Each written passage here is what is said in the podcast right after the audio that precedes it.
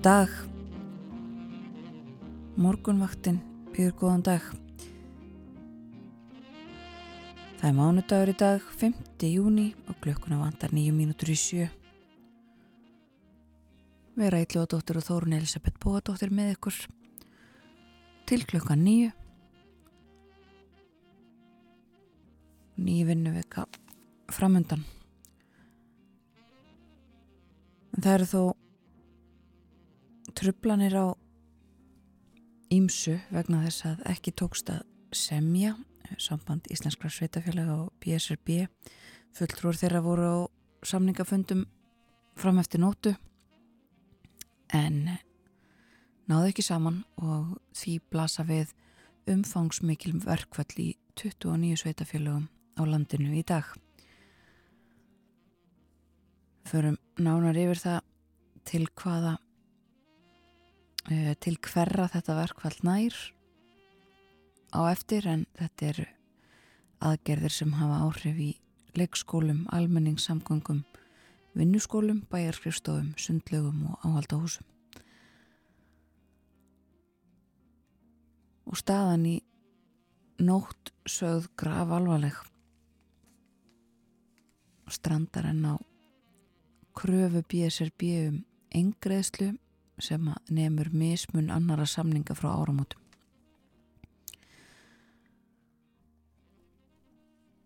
Og eh, meira af þessu þeirra líður á þáttinn. Við skulum eins og vegar líta til veðurs. Það var hæglændis veður í Reykjavík klukkan 6 í morgun eins og verið hefur síðustu, ég man ekki hversu marga mótna eh, þungbúið Ekki þó ryggning en hafi rengt í nótt. Sjöstega hiti og tveir metrar á sekundu. Og það var líka sjöstega hiti á kvanniri, hægur vindur, allskíjað og sjöstega hiti í stikkishólmi klukkan 6, vestan fjórir metrar á sekundu þar.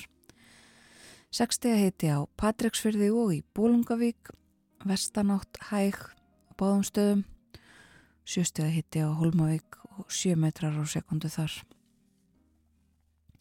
Áttastega hiti á blöndósi, hægur vindur, 11 stega hiti skíjað og nánaslokn á Akureyri.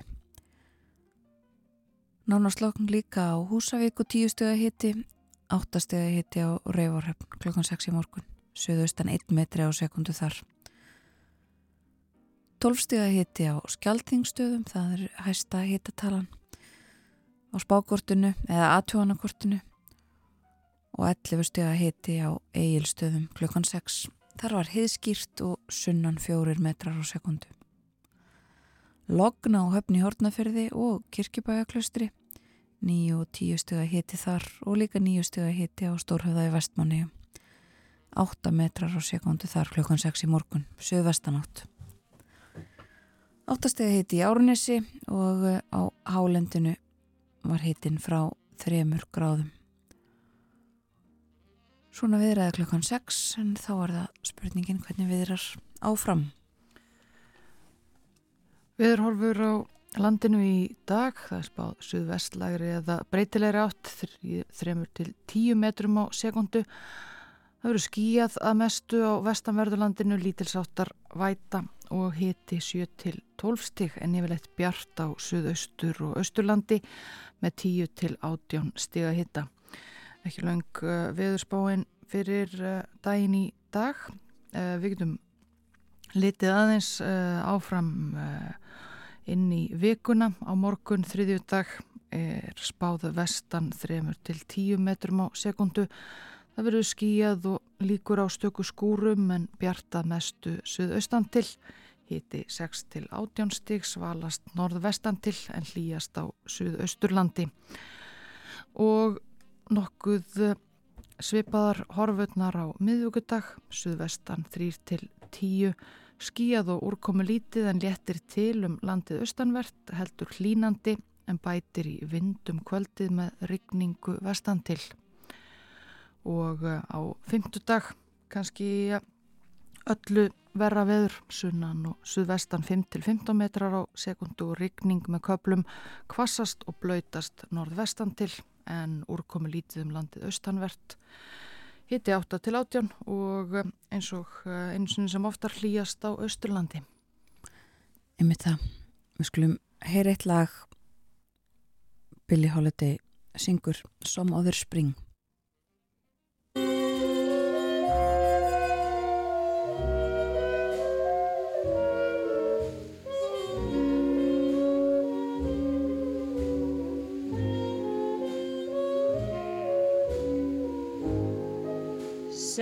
Other spring I'll try to love. Now I still cling to faded blossoms, fresh when worn, left crushed and torn, like the love affair Some other spring, when twilight falls, will the night bring another to me? Not your kind, but let me find it's not true that love is blind. Sun shines around me, but deep in my heart, it's cold as ice. Love once you found me, but can that story unfold twice? Some other spring. Will my heart wake, stirring to sing love's magic music, then forget the old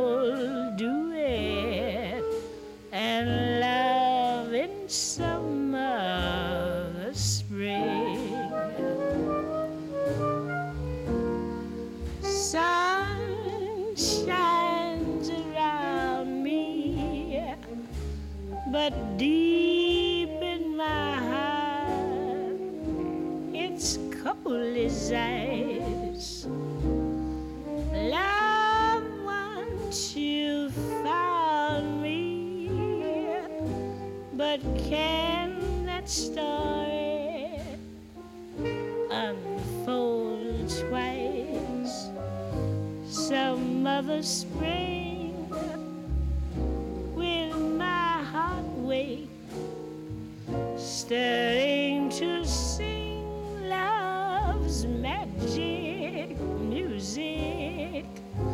then forget the old duet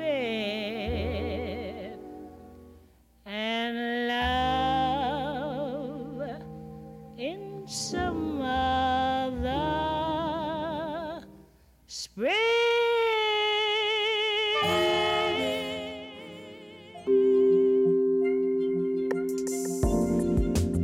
Alltaf eitthvað nýtt í spennandi mörkinni 6. Bjarti dagar í Hafnarfjörði, nánar á hafnarfjörður.is. Tveir fyrir einna lífrandræktuðu kveiti frá Ítalíu, brauð og kó.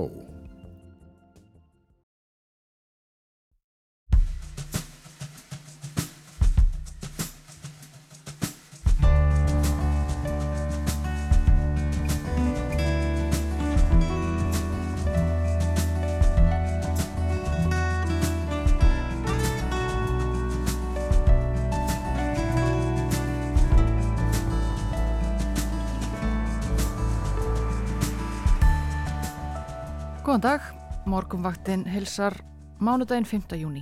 Um sjón með þættinum hafa vera Ílluðadóttir og Þórun Elisabeth Bóadóttir. Sjómanadagurinn var í gær og haldið var upp á hann víða um landið og það var líka við í hennum rótgróna sjávarútvegsbæ Grindavík. Ásún Helga Kristinsdóttir, fórseti bæjarstjórnar þar, verður með okkur á morgunvaktin í dag upp úr klukkan halv átta. segir okkur aðeins frá hátíðahöldunum en við ætlum líka að ræða stöðumála í bænum vitt og breytt. Björn Malmqvist verður með okkur frá Brussel hann segir okkur það sem er að frétta þaðan en við spyrjum hann reyndar líka frétta frá Eindhoven. Hann var þar um helgina að fylgjast með úslítaleik meistaradildar Kvenna í fókbólta. Og svo er það gerfigrendin. Í dag ætlum við að forveitnast um það hvernig hún er og verður notuð við stjórnun og nýraðningar. Er hún laus við ómeðvitaða fordóma okkar mannfólksins eða þvert á móti enn fordómafyllri? Guðbjörg Linda Rapsdóttir, aðstóðarektor vísinda og profesor í félagsfræði við Háskóla Íslands, ræðir þau mál við okkur upp úr klokkan hálf nýju en hún er meðal stjórnenda nýs rannsóknarverkefnis í Evrópu sem skoðar þessi mál. Nokkurnu einn svona verður morgumvaktin í dag við eh, auðvitað lítum líka í blöð og aðra meðla spilum einhverja tónlist og eh, við höfum ekki að byrja þetta á að líta aftur til veðurs. Það er uh, suðvestlega eða breytilega átt í kortunum á landinu í dag. 3-10 metrar á sekundu skíðað mestu á vestanverðurlandinu eins og verið hefur um þó nokkuð langt skeið. Lítilsáttar væta, hiti 7-12 stig en yfirleitt bjart á Suðaustur og Östurlandi með 10-18 stig að hita. Og uh, svipað á uh, næstu dögum, það er útlut fyrir róleg heita veður í byrjun nýrar viku. Þetta er við mikil hæð sem er við strendur Skotlands og við heldur suðvestlægum áttum og eh, á morgun ekki miklar breytingar að sjá. Á miðvíkudags kvöld hins vegar byrjar að regna um vestanvert landið og svo regning allar að ílengjast fram að helgi segir í hugleðingum veðfræðings frá viðstofunni. Lengst af verður úrkomi lítið og hlýjast fyrir austan. Næstu helgi er útlitt fyrir að létti víða til með hægum vindi svo að ekki er öll von úti enn. Þau sem fylgjast með veðurspám vita þó að svo veiði er sínd en ekki gefinn segir svo í niðurlagi þessara hugleðinga og jú, við veitum það.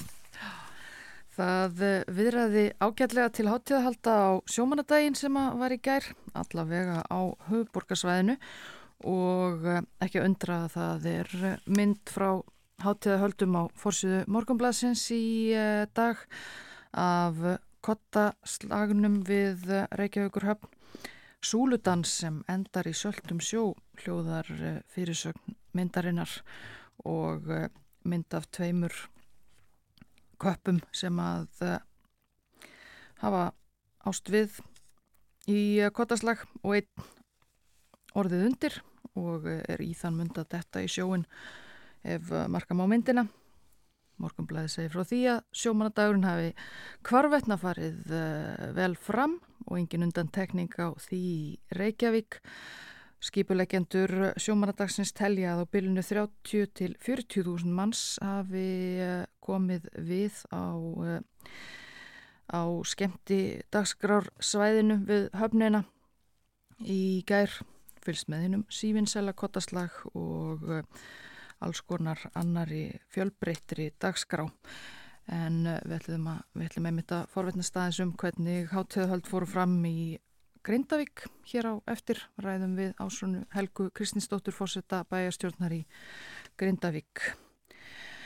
Nú morgunblæðið fjallar svo um uh, verkfallsmálin funduðu langt fram eftir uh, kvöldi. Fundi uh, var ekki lokið þegar morgunblæði fór í prentun fundi sátt að semjara með samninganemdum BSRB og samband íslenskra sveitarfélaga en eins og við heyrðum í fréttum hérna uh, rétt áðan frá fréttastofu þá, um, þá var fundi slitið eftir næstum 13 klukkustundir og uh, samkomlag náðist ekki og því viðtæk verkvöld sem að blasa við.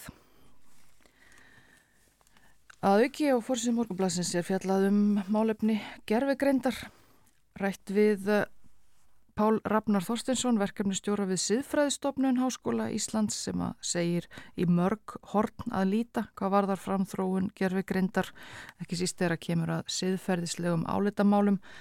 Já, það er hægt að ræða málefni gerfigreindarinnar frá uh, já, mjög, mjög mörgum hornum. Og uh, já, við ætlum líka að vera á, á uh, gerfigreindarnótum hér í þessum þætti og fjalla ekki kannski um siðferðisleg álítamál, heldur um uh, það hvernig gerfigreindin verður notuð við stjórnun og nýraðningar við Guðbjörgu Lindur Abstóttur, aðstóðarektor Vísinda og profesor í félagsfræði við Háskóla Íslands. Já, ég held að þau uh, Páll Rafnar og Guðbjörg Linda séu myndi að fara að ræða þessi mál bæði á, á málþingi í dag. Meirum það hér á eftir. Uh, Förum aðeins út í heim og uh, byrjum í Pólandi, þar voru stór uh, og fjölmenn mótmæli í gær. Uh, þjóðurnir sinniðum stjórnarháttum hægri stjórnarinnar í Pólandi mótmælt. Sagt að um hálf miljón manna hafi komið saman til mótmæla. Og það voru stjórnarandstöðuflokkarnir í Pólandi sem að stóða þessum mótmælum. Og götur Varsjár fylltust af fólki eh, sem þýðir að þetta eru einn fjölmennustu mótmælin í landinu frá falli kommunismans og eh, dagurinn í gær valin vegna þess að þá voru 34 ár liðin frá fyrstu frjálsu kostningunum í Pólandi Donald Tusk var þarna fremstur í flokki komin aftur í pólska pólitík eftir að hafa starfað fyrir Evrópusambandið og eh,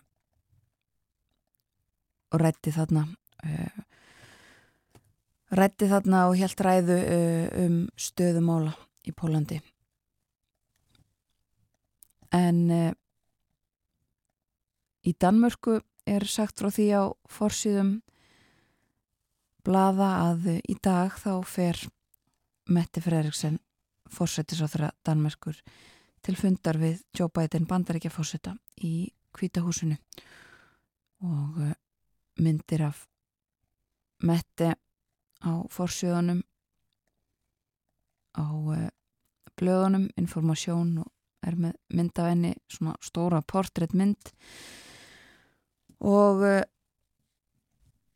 talaðum það hvað þau komið til með að ræða mögulega og á forsjöðun á politíken að þá er fyrirsögnin sem 12 ára barn þá vildi hún mótmæla McDonalds, nú heimsækir hún kvítahúsið og eh, fjallaðum það að eh, hún hafi beðið lengi eftir því að fá að fara í þessa heimsókn. Það hefði þurft að um, berja í borð uh, diplomatar hafi þurft að gera það til þess að láta þetta verða að veruleika. Í Svíþjóðir fjallaðum um, nýfa árásir í liðinar viku á fórsíðun á, á Svenska dagblæðið hafi breytt lífum sex sex eh, barna, úlinga á eh, mentaskóla aldri í síðustu viku um, árásir af þessu tægi og umfjöldunum þetta sagt sænskum fjölmjölum í dag. Um, nefna líka að það eru frettir frá Breitlandi, ennsku blöðin með ímislegt á sínum fórsíðum eins og yðurlega en uh, nokkur þeirra tala um uh, það að, að bankar hafi uh, breytt vöxtum sínum í kjálfar stýravaksta hækana sem þar hafa verið e, líka í gangi.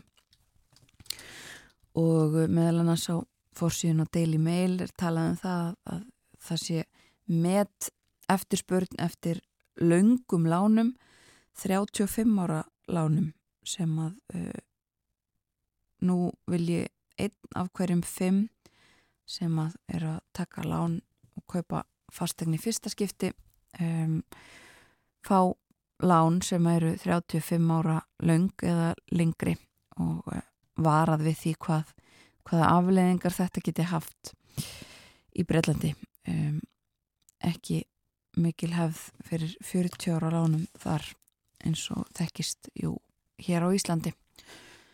En uh, svo ímiskonar stjórnmál á forsýðum annara blada og líka fjallaðum gerfugrind forsýðan á æ-blaðinu uh, með könnun og uh, sagt frá því að ríflega helmingur ungsfólks á aldrinum 18 til 24 ára óttist að uh, gerfugrind og gerfugrindar-kerfi muni um, hafa neikvæð áhrif á, á þeirra möguleika til þess að fá vinnu.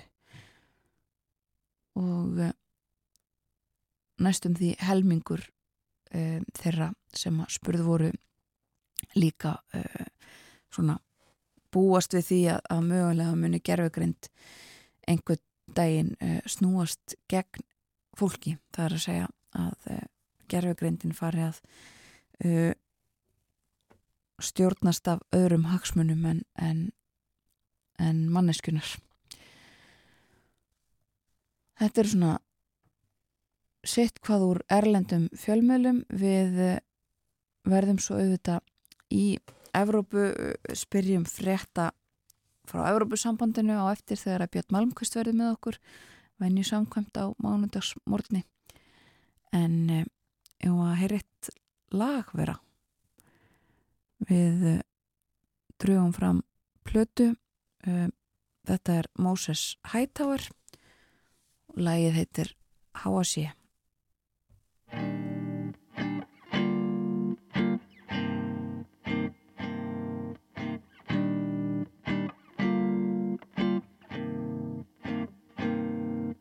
sé Neyðir sig tré Nývagnaði þröstur upp á háa sé Og heldur því. Þegar bærin er En að kláru fyrsta botl og tegjur sér Legg ég hann í. Úti sækir mannerðin að mér Eitt eins og háflóðið að öðri strönd ég sé að eins og gengur ferðast sumir einir aðrir hönd.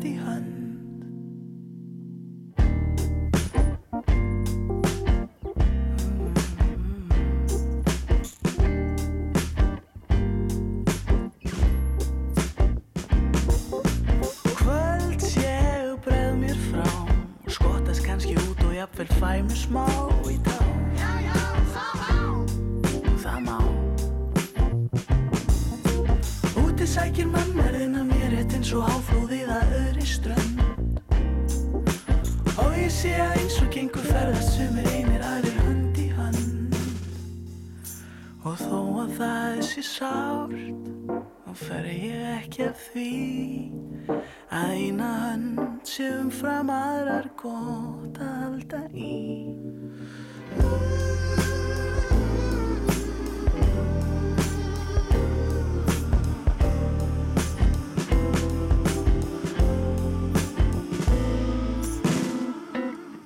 En þegar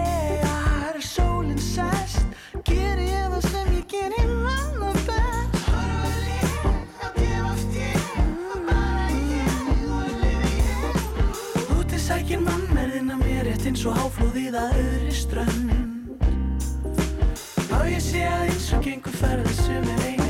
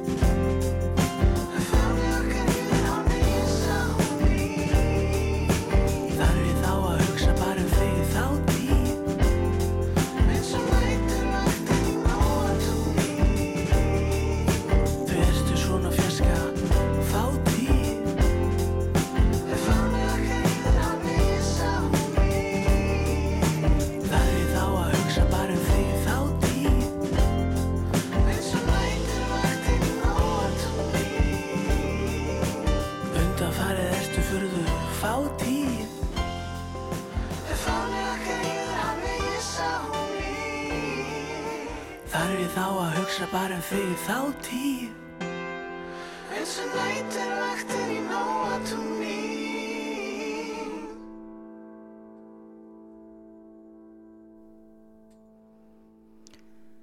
Við heyrðum í Moses Hightower lægið Háa sé. En við skulum hverfa aftur í tíman.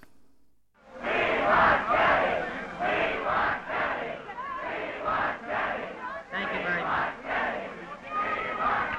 Thank you very much. Thank you. Thank you very much. Thank you very much.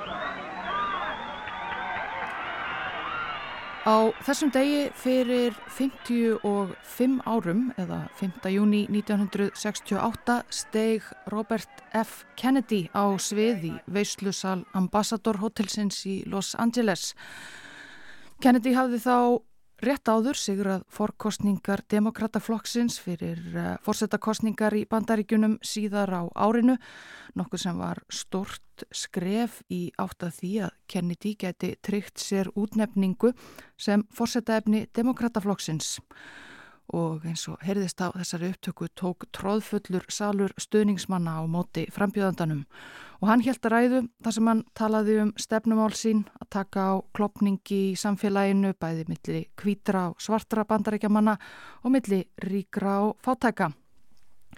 Robert F. Kennedy var aðeins 42 ára þarna 1968, átti ekki að baki mjög langan feril í stjórnmálum en bjóða því að vera af Kennedy ættinni og hann hafi verið dómsmálar á þeirra í ríkistjórn bróður síns sem var jú ráðin af dögum 1963 En eftir að Robert F. Kennedy lauk máli sínu þá fór hann í gegnum mannmerðina í fyllt lífarða sinna út í gegnum eldhús ambassador hotelsins þar sem að frettamæðurinn Andrew West hjá Mutual Broadcasting System reyndi að ná tali af honum en lendi þessi stað í skotríð.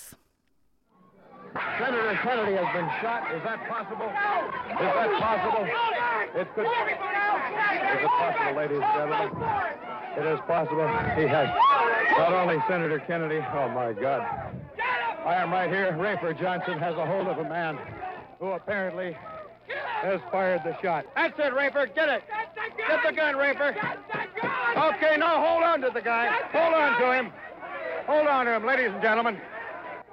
We don't want another Oswald.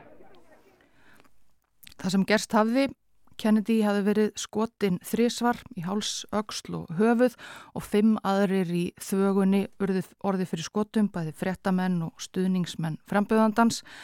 En eins og frettamæðurinn lísti þá stukku lífverðir Kennedys og aðrir viðstattir á mannin sem hjælt á bissunni, slóa hann ár höndum hans og hjæltu honum svo föstum. Kennedy var fluttur á sjúkrahúsa sem hann lést daginn eftir 7. júni en árásamæðurinn færður í geimslu lauruglu. Árásamæðurinn Sirhan Sirhan var 24 ára gamall þegar þetta gerðist.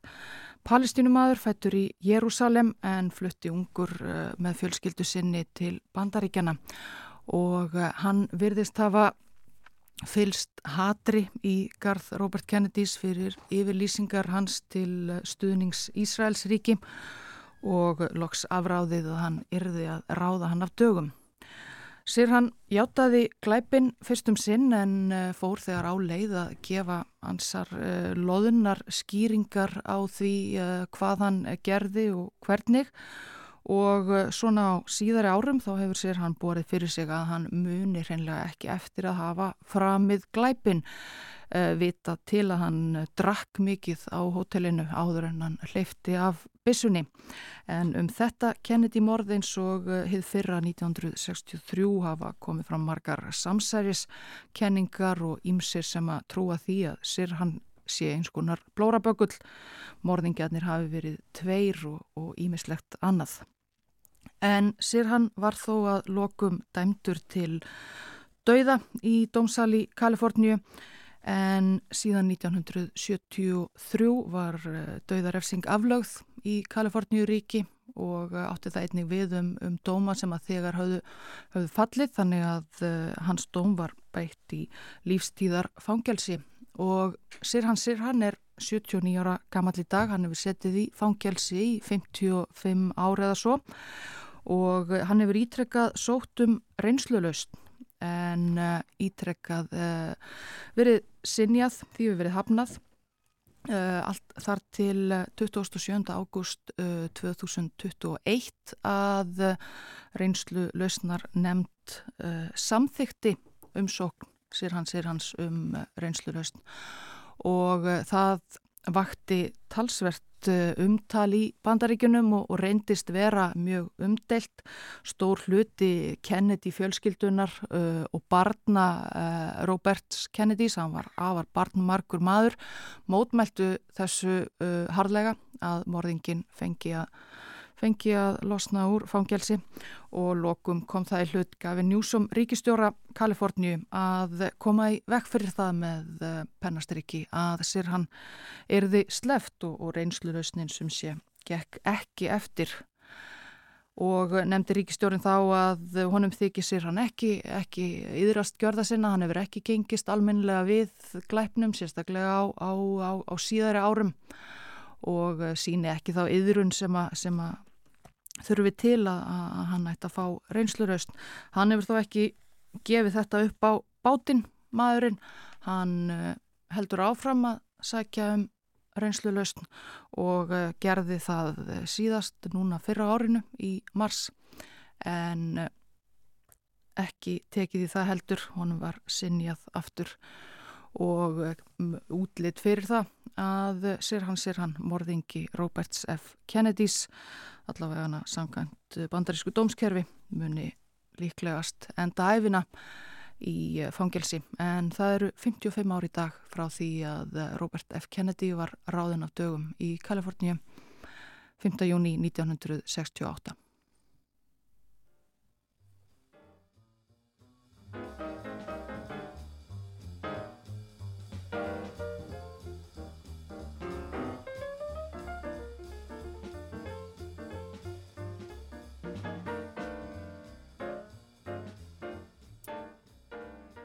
Þetta var úr sögubókunum. Við förum að hleypa fréttastofunni að, yfirleitt morgun frétta klukkan halv åtta auðvitað og eh, að því loknu þá ætlum við að slá að þráðin til Grindavíkur. Grindavík er staðan þannig, við hefum nú kannski ekki fengið margar fréttir af undanfarið en uh, þar var afkoma bæjarins tölvöld betri heldur en gert hafi verið ráð fyrir Þar eru líka verkvöld, við ætlum að forhætnast um stöðu þeirra og uh, svo er það sjómanadagurinn aðeins sem að var í gær hátíðahöldin. Við ætlum að tala svona vít og breytt um stöðuna á svon helga. Kristinsdóttir er fórseti bæjastjórnar og verður með okkur í símanum eftir stöðastönd. Svo er það fréttir frá Brussel, Björn Malmqvist á sínum stað eftir morgun fréttir klukkan átta og gerfugrindin. Hún voru til umræðu upp úr klukkan hálf nýju þegar Guðbjörg Linda Rafstóttir frá Háskóla Íslands kemur til okkar.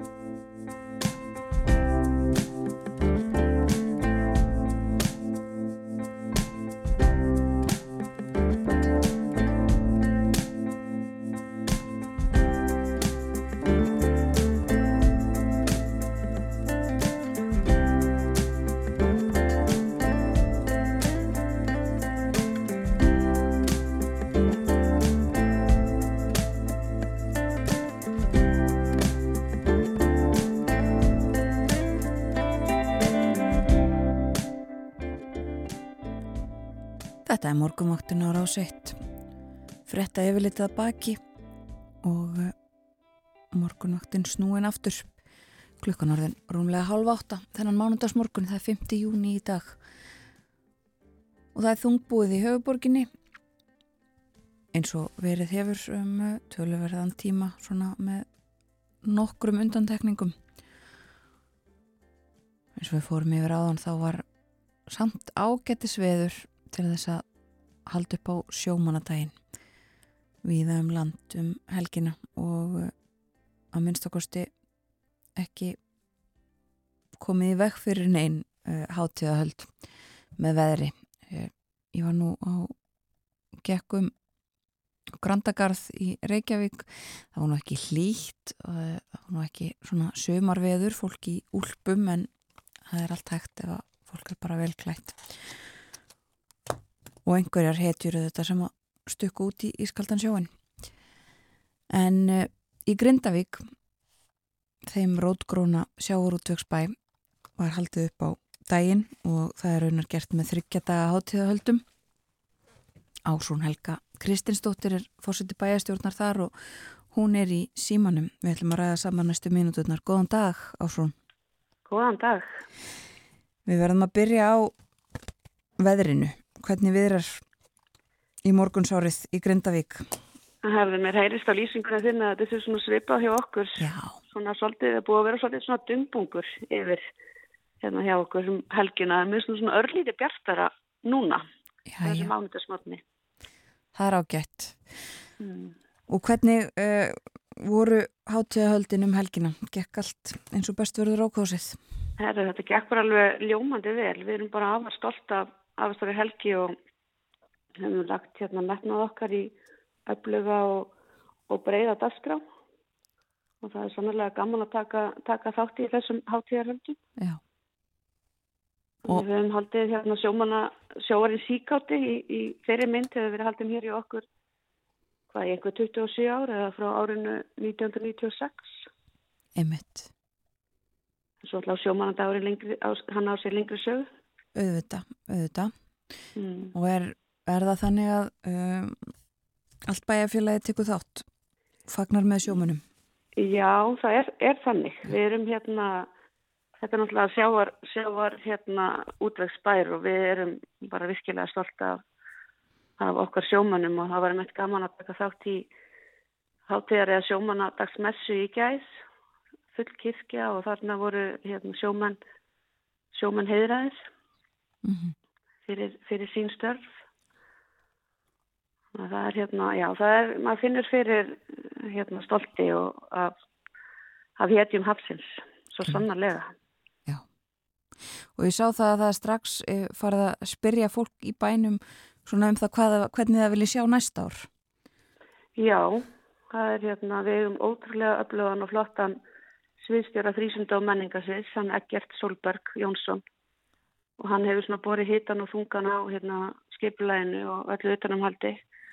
Og það er mjög glatið mig, ég sá þetta mitt á, á, á heimasviði bæjarins að fólki, það er svona þetta íbúðalýðræði mikilvægt og fólki er hérna beðið um að að tjá sig og maður heyri líka, maður heyri líka alveg skipta skoðanir að það er kannski svona minna, minna skreitt, það var svona hverf, hérna bæni var skipt upp í litakverfi, það er farið svona minna fyrir því síðustu ár, þannig að það var svona, fólk hafði ákveðna skoðanir því, þannig að hérna, það er bara gott, þetta er svona fest í minni að, leggja fram könnun strax. einmitt. Og svo, hefst svo undirbúningur bara strax í kjölfarið eða hvernig er þessu? Já, í rauninni sko. Það er hérna, hann er til dæmis hann ekkert búin að bóka, bóka skemmtikrafta sjómanadaginn sko 2025 sko. Já, á, En svo verður örgulega sjómanadagurinn hjá okkur á næsta ári, það verður mikið lagt í, lagt í hann út af því að grinda ykkur kaupstæður á 50 ára kaupstæðar ammali akkurat, næsta ári. akkurat og það er, Þetta svona ekstra. já, það verður tvinnað eitthvað saman í, eh, það er auðvitað hafin undirbúningur að uh, þeim fögnuði, 50 Já, ára það er búið að amalinu. skipa, já, það er búið að skipa og sem hefur fundað einu sinni og sá fundir lofa er bara góðu, sko. Já. Það verður, við ætlum að leggja, leggja mikið í, í, í þetta, þetta ammæli og reyna að hafa þetta bara ammæli sárs. Já, Þetta er stórt, uh, þetta er stór áfangi Þetta er stóra áfangi, svo sannarlega. Já. Svo Sannarlega. og þú ert í þessari nefnd. Ég er í þessu nefnd, já. Já, akkurat. Það ákveðum að hafa svona, hafa, mikilvægt að hafa breiðan, breiðan hóp. Við erum með svona, já, ungmanni og, og, og þá svona til að kannski eldri, þeir sem eldri eru, þannig að þetta er, þetta er spennandi. Já, einmitt. Mér langaði að spyrja þig eins á svona, uh, sko því við hefum heyrt í fréttunum líka nú í morgun, það er ekki búið að ná saman um uh, á milli BSRB og, og sambandsíslarska sveitafélaga. Það eru uh, einhver verkvöldir það ekki í Grindavík. Hva, hvernig eru áhrifin þar hjá ykkur? Sko, það er ekki hérna það sem að kannski býtur fólk hvað einna mest hefur ég lesið svona í fréttum og, og fylgst með það. Það er kannski stafsmenn á, á leikskóla en, en það er, við sleppum, sleppum þar en, en það eru töluvert af fólki sem vinnur á bæjarskustofunum sem að, sem að, já, er þá komið í verkvall. En það er svona, það, svona, stæðstu hópurinn er eiginlega þaðan, sko. Já, þannig að þetta er ekki að hafa áhrif á, á skólastarf eða leikskólastarf. Nei, Nei. Og ekki, ekki. ekki heldur í, í uh, íþróttamannurskjónum. Nei, það er, við fórum einmitt yfir þetta í bæjaráði og það var svona stærsti hópurinn af-. Já. Þannig að það er svona, já, Einmitt. erum svona, en við bara vonum það besta að það, leysist úr þessu sem allra fyrst. Já, akkurat, akkurat. Sko, talandi um einmitt skólana, þú ert auðvitað líka kennari. Já, ég er grunnskólakennari. Já, og ertu að undirbúa síðustu dagana eða er búið að, að- hleypa börnunum út í sumarið? Herri, já, við hefum nú talað um það hér í, í þessum bæja að það er okkur finnst mikilvægt að slíta skólanum fyrir sjóaran, Já, sjóaran síkáta. Þannig að hér voru, það átti semst að vera skóla slít í dag en við fengum að hérna, setja saman tvo daga fyrir þessum hérna, samþýttu það. Þannig að það var bæði vorgleði hjá okkur á fyrstu daginn og svo, svo skólaslitt. einmitt. Börnun eru farin í, í sumafrí en, en hérna, það eru svona undirbúnings, eða frágangsdaga segi ég, sem eru, sem eru framöndan Já, akkurat. núna. Þannig að það er bara jákvætt og gott og börnin farin, farin út í sumari sem við býðum svo bara eftir. Já, akkurat. Svo er það annað mál. Hvernig við Já, það er það hann að mál, eitthvað sem við stjórnum alls ekki. Nei, nákvæmlega. Um, en uh, manstu hvað eru mörg börn í grunnskólanum í Grindavík? Það er já, þetta er grunnskóli Grindavíkur er mjög stór skóli, það eru sko, yfir 560 nefnendur Já, og við erum hérna á tveimur starfstöðum. Það er yngsta stíð, sem fyrst til fjóri bekkur er, er hérna í nýrði hluta bæjarins.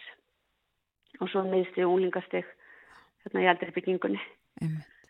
En hérna, þetta er allt bara, við erum hérna, ég er líka náttúrulega sem grunnskólakennari bara stolt á okkar, hérna, okkar starfi og bara mentur eru tvei leikskólari í, í bænum Mm og það er ekki mikið, það er ekki, ekki mörg börn á, á bygglista Nei. og bærin, bærin sé líka stiðu vel við, við dagfóreldra og nú náttúrulega er svona varandi bara íbúa fjölgun að þá er, er við búin að hérna, hanna nýjan, nýjan leikskóla sem við rýsa í, í hlýðarkverfi, nýju hverfi.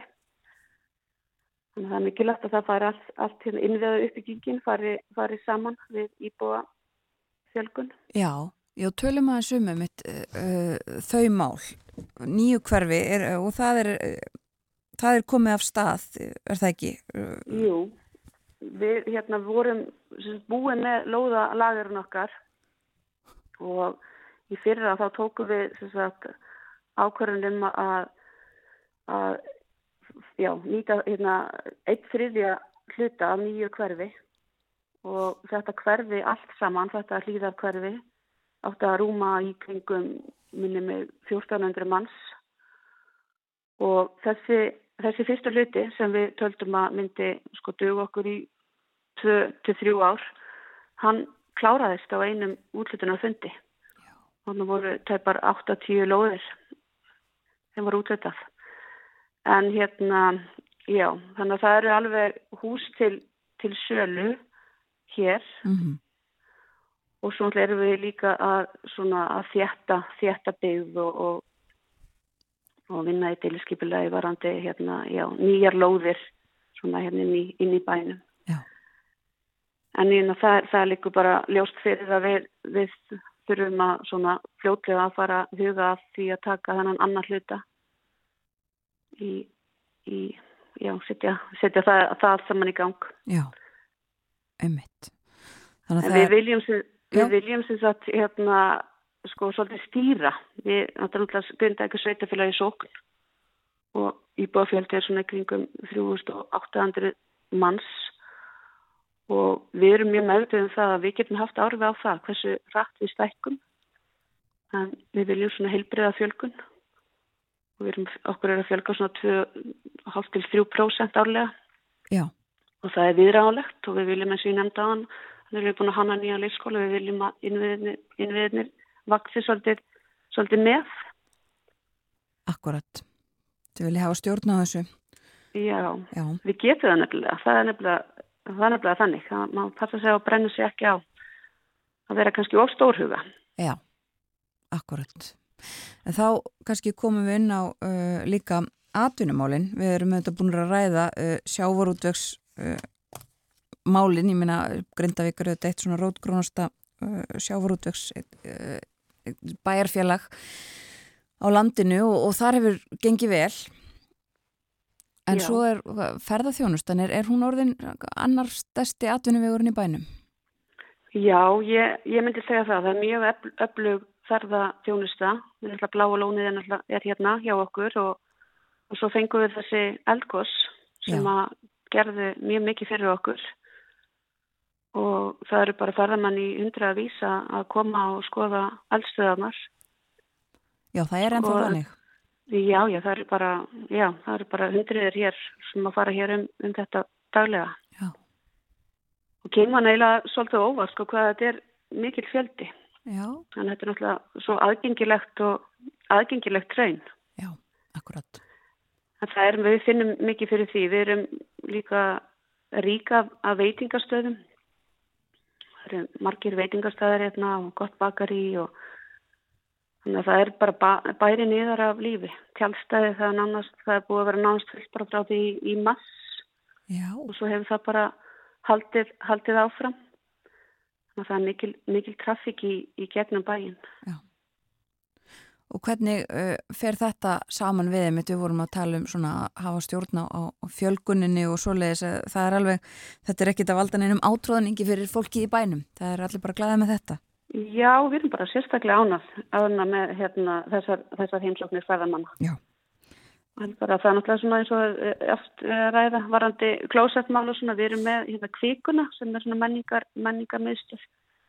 Og þar er hægt að geta, geta rútur farið og, og hérna já, Já, fólk farið á klósettur svona gegn, gegn væg og gjaldi, þannig að hérna, við erum að, viljum efla okkur líka í, í þessu og, og erum að hugsa um síningu þar varandi, varandi hérna eldgóðsinn já, það er, en það er náttúrulega svolítið svona, kannski bara nálega líka við flugvöllin sem að fólk kannski stoppar ekkert, það er kannski fyrsta nóttin og, og svo kannski síðasta. já, En Reykjanesi hefur náttúrulega upp á svo ótalum allt að bjóða.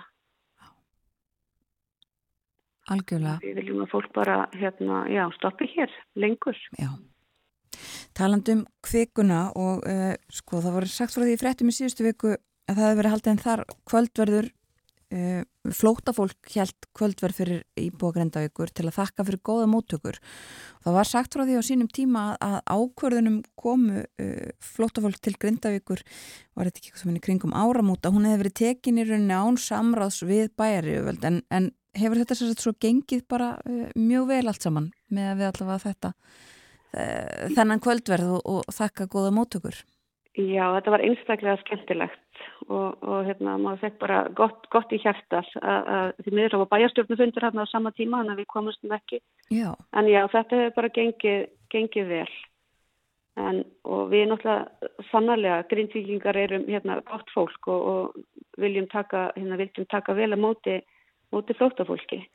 En það sem við vorum líka svona gaggrína það var kannski þetta samráð sem hefur þurft að hafa.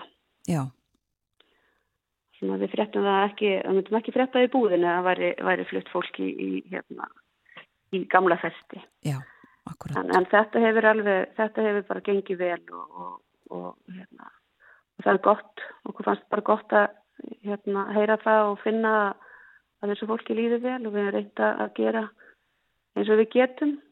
Náttúrulega kannski samgöngur eru ekki, hérna, ekki endilega, ég vil kannski ekki segja slæmar en það er heldur ekki góðar og þannig að við erum svona, já, bóðið í, látið það, hérna, kort í sundlaugina og svona ímislegt bóðið um að taka þátt í fókbostamóti og svona, hann er, mikilvægt að, að, að fólki aðlega, aðlagist samfélaginu. Já. Um, hvernig er, uh, hversu margt fólk er í bænum, uh, flótafólk núna? Veistu það? Sko, veit ég það hafa einhverjir hérna, einhverjir flutt frá okkur, fólk frá hérna Úkrænu hefur, hefur hérna flust á höfuborgarsæðið, skildist með síðast þegar ég heyrði. Mm En að þetta sé ekki svona í kringum 50 manns, eitthvað svo leiðis. Já.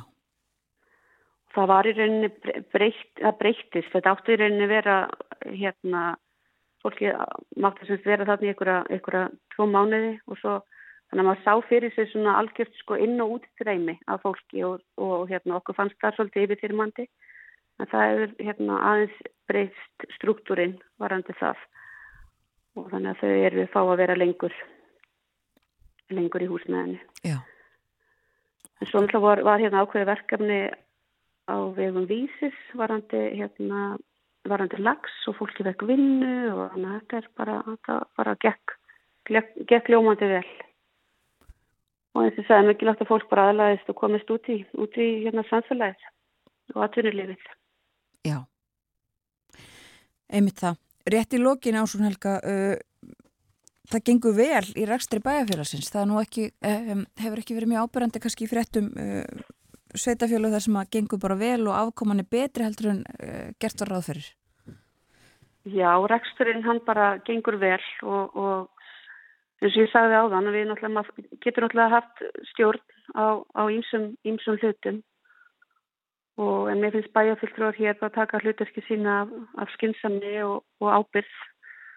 Það er náttúrulega svolítið gaman að geta eins og maður finnur það í kostningabarátunni þá vil maður lofa og lofa en, en hérna svona þarf að vera skynsami í þessu og en það var hérna rekstur bæjarins hann hérna skilaði verulega góðri ákomi. Mm.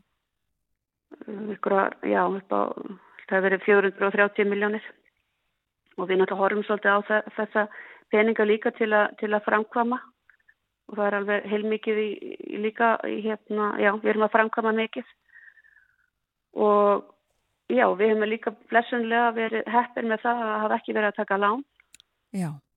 og við hérna, finnum það sérstaklega núna í þessu orðferði. Þannig að það er, það er klárlega okkur til haps á, á þessum tíma að það er bara bæjarfélagi skulda lítið sem, lítið sem ekkert. Skuldafallið er ásættanlegt. Já. Þannig Akkurat. að Það er bara mjög jákvætt. Já, og fólk uh, bjart sint og kátt í Grindavík. Já, algjörlega, algjörlega. Það er bara virkilega íbúar grindvingingar með að vera sáttir með þessa, þessa niðurstöði. Já. Þetta var af stöðu mála á málefnum í Grindavík Ásún Helga Kristinsdóttir. Takk fyrir að spjalla við okkur á morgunvaktinni. Kæra þakkir sem er leiðis. Með góðan dag. Sumulegðis takk. Þess bless. Bless.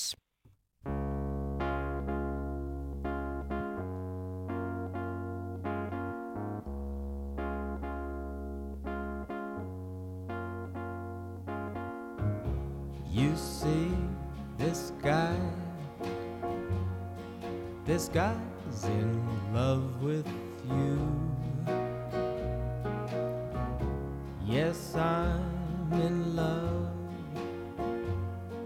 Who looks at you the way I do? When you smile, I can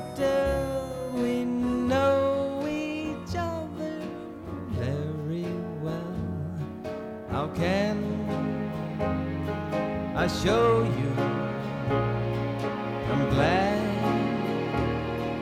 I got to know you 'cause I've heard some talk.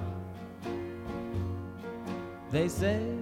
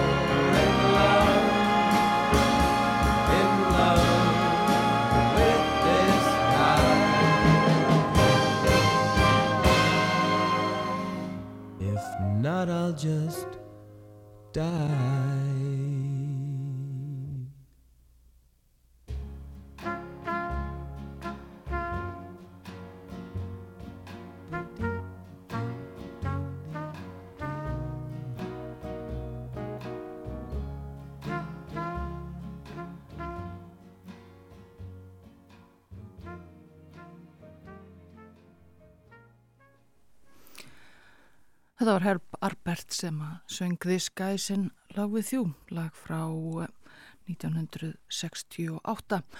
En það líður að morgun fréttum klukkan 8 frá fréttastofu. Fyrst erum við auglýsingar og að fréttum loknum snýr morgunvaktin aftur.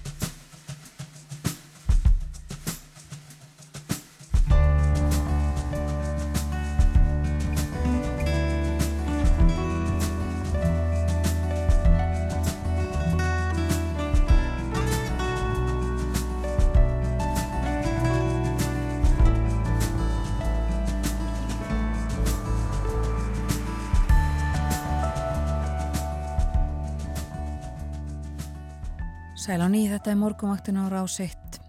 Klukkan tæpar 6 minútur gengin í nýju þennan mánudags morgun. Það er 5. júni í dag. Og það er útlitt fyrir róli heita veður í byrjun nýrarvinu viku en við áttum mikil hæð við strendur Skotlands við heldur suðvestlægum áttum. Stefnir í skíað veður vestanlands með lítilsóttar vætu hér og þar og hita í kringum 10 stygg. En fyrir austan er annað upp á teiningnum, þar verður viða bjart og hit upp í 18 stygg. Ekki miklar breytingar svo að sjá á morgun en á miðvíkudags kvöld fer að regna um vestanvert landið og svo regning líkleg til þess að ílengjast fram að helgi, segir við uh, hugleðingum viðfræðings. En lengst af á þessum tíma úrkomu lítið og hlýtt fyrir austan. Það er svo útlitt fyrir að það leti eitthvað tilvíða með hægum vindi um næstu helgi. En uh, viðfræðingar farnir að vara við því líka og minna á að, að spár geta breyst. Það er langt í næstu helgi en þá enda ný vinnuvika bara ný hafinn. Og eins og við heyrðum í frettunum áðan þá er þetta uh, vinnuvikan uh, tekur með af því hjá fólki viða um land að, að það eru verkfull viðtæk verkfull sem að nú taka gildi í dag uh, mun umfangsmeiri heldur en síðustu vikur hjá félögum í aðaldafélögum BSRB það náðist ekki saman þar.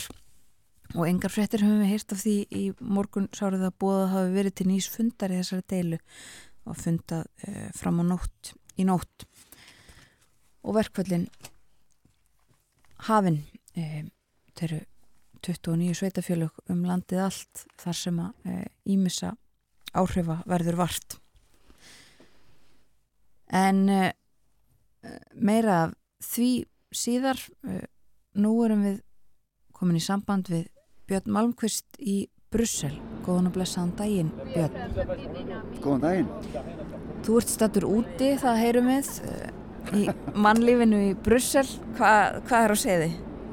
Já, ég, sagt, ég vinn nú vennilega hérna inn á skrifstofu í byggingu leittóðaráðs uh, Európusambandsins við Schumann Torg En núna rétt fyrir klukkan 8 að íslenskum tíma þá vorum við öll reikin út. Það var hérna brunaæfing þannig að hér sitja nokkur hundru manns út á torki og byrði til því að verða hleyft inn aftur. Það er eins og er ekkert að veðri.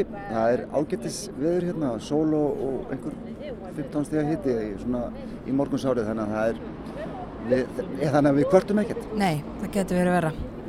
Það getur verið vera. Einmitt. En þú ert uh, nýkomin aftur til uh, Brussel, vast í Eindhoven um helgina og áslita leikumeistardildarinnar þar sem að Sveindís Jane Jónsdóttir var í stóru hlutverki með liðið sínu Vúlsborg. Uh, segð okkur bara frá því hvernig þetta var allt saman.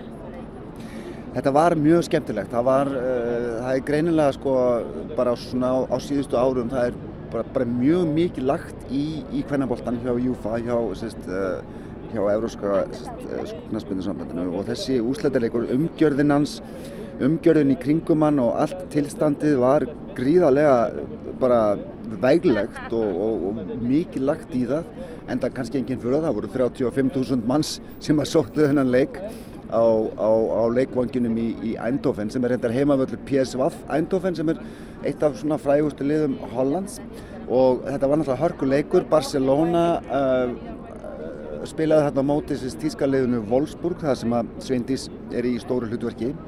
Það var mikil, svona, mikla vendingar hjá Barcelona það mættu þúsundir aðdáðanda frá Spáni og voru mjög áberandi á leikvanginum reyndar kannski miklu meira áberandi bæði á leikvanginum og í Eindhoven svona daginn áður og, og morgunin fyrir heldur en, en þjóðverðin sem er kannski aðeins hæglátari og, og hérna láta örlítið minna fyrir sér fara eins og þið kannski sáuð í sjónvarpinu um helgina.